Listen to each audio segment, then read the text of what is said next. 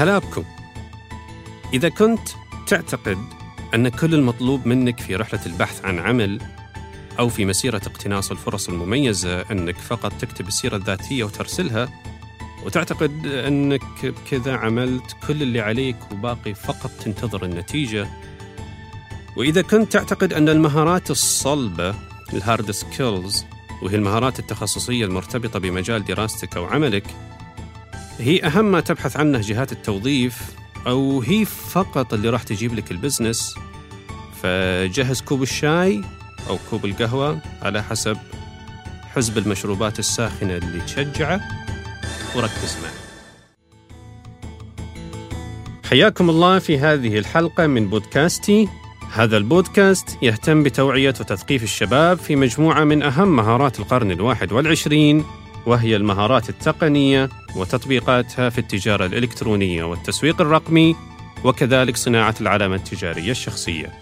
إذا كنت مهتم بمعرفة الجديد والمزيد فلا تنسى تشترك معنا في القناة وتسجل في القائمة البريدية اللي بتشوف رابطها في صندوق الوصف حتى يصلك كل شيء إلى بريدك الإلكتروني مباشرة وبشكل مجاني.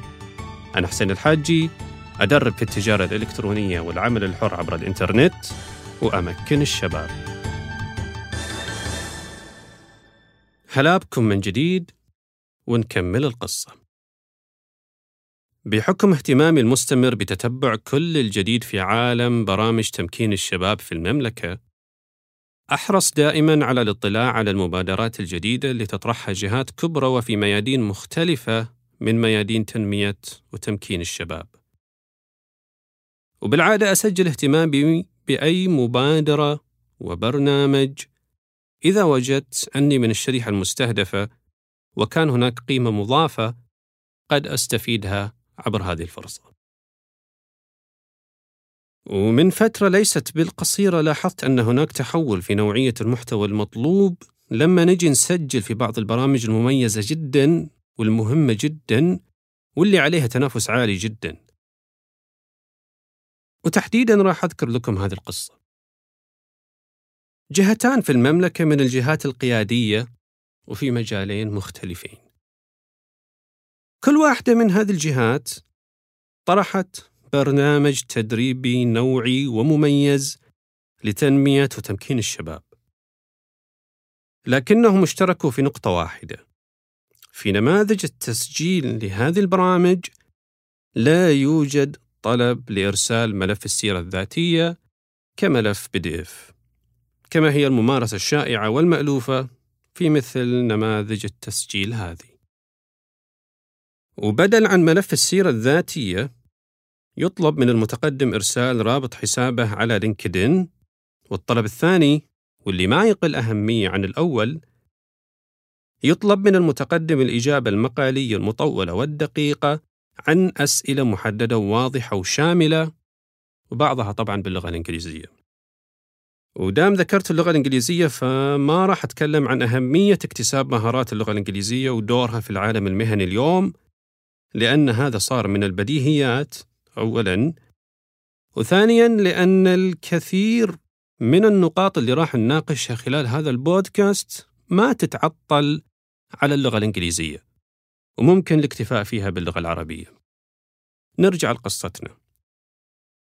هذا التغير الطفيف في متطلبات التسجيل وإن لم يكن هو النمط الأشهر، لكنه يهمس بهدوء وبوضوح أن الظهور الاحترافي والفعال عبر المنصات المهنية وحتى الاجتماعية قد تجاوز مرحلة أن يكون خطوة إضافية واختيارية، وهو يصبح شيئا فشيئا ضرورة بديهية، بل وبديلا عن السيرة الذاتية في الملف الروتيني.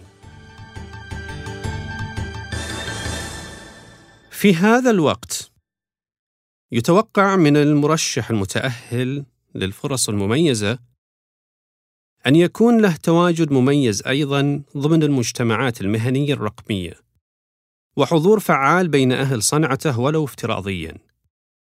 هذا الظهور والحضور يرسل إشارات عدة عن مدى مواكبة وفهم هذا المرشح لأدوات عصره وتغيراته ومدى طموحه ومهاراته الاجتماعية في الاتصال والتواصل. واستعداده اللحظي لكل جديد. ومخزونه المعرفي وقدرته في تسويق معلوماته وخبراته. باختصار قدرته على صناعة علامته التجارية الشخصية ال personal branding ولأن التواجد الرقمي المميز عبر الحسابات الشخصية على منصات مثل LinkedIn ما تبنى في يوم ولا تثمر في ليلة. ولا ينتهي العمل على تغذيتها وتطويرها ولا حد لشبكة الاتصال المهمة اللي يمكن إنشائها من خلاله فالتأخر في بناء الحساب على مثل هذه المنصات قد يعني مع الوقت خسارة الفرص لصالح من استغل الوقت مسبقا لهذا الشأن ولو كان هو أقل في بعض الكفاءات. طبعا الدورات المقدمة في كتابة السير الذاتية ستكون أكثر نفعا لو أضافت مهارات بناء وتنشيط وتفعيل وتطوير الحساب الشخصي عبر لينكدين بالطريقة الصحيحة اللي أنشئ الموقع من خلالها.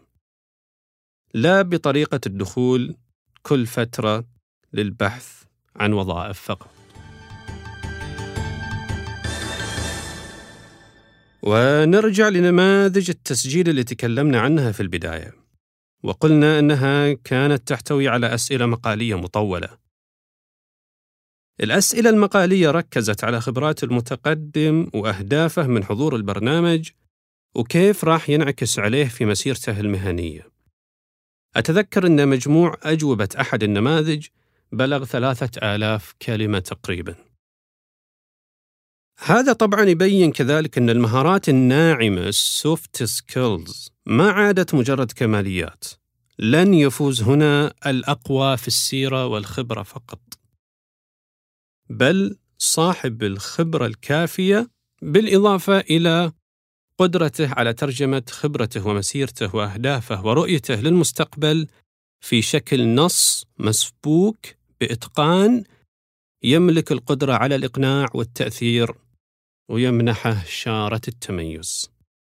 مهارة الكتابة بالنفس الطويل تحديدا تستحق أن يعاد تفريغ حصة كاملة ومنهج مستقل لأجلها في التعليم المدرسي منذ الصفوف الدنيا وحتى أعلى مستوى.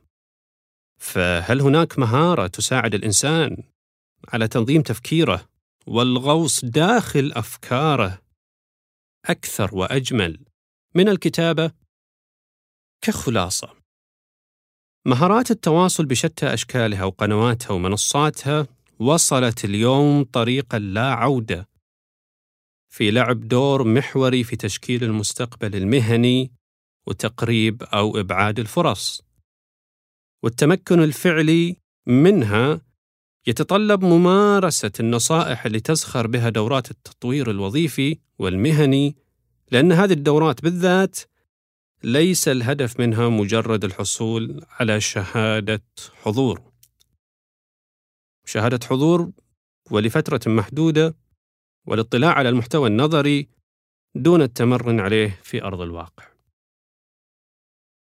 وخلال هذه السلسلة راح نتكلم عن شيء من أهم المهارات الناعمة أو ال soft skills اللي صارت مطلوبة بكثرة وجالسة تصير من الأساسيات وهي دروس ومواقف مستفادة من التجربة.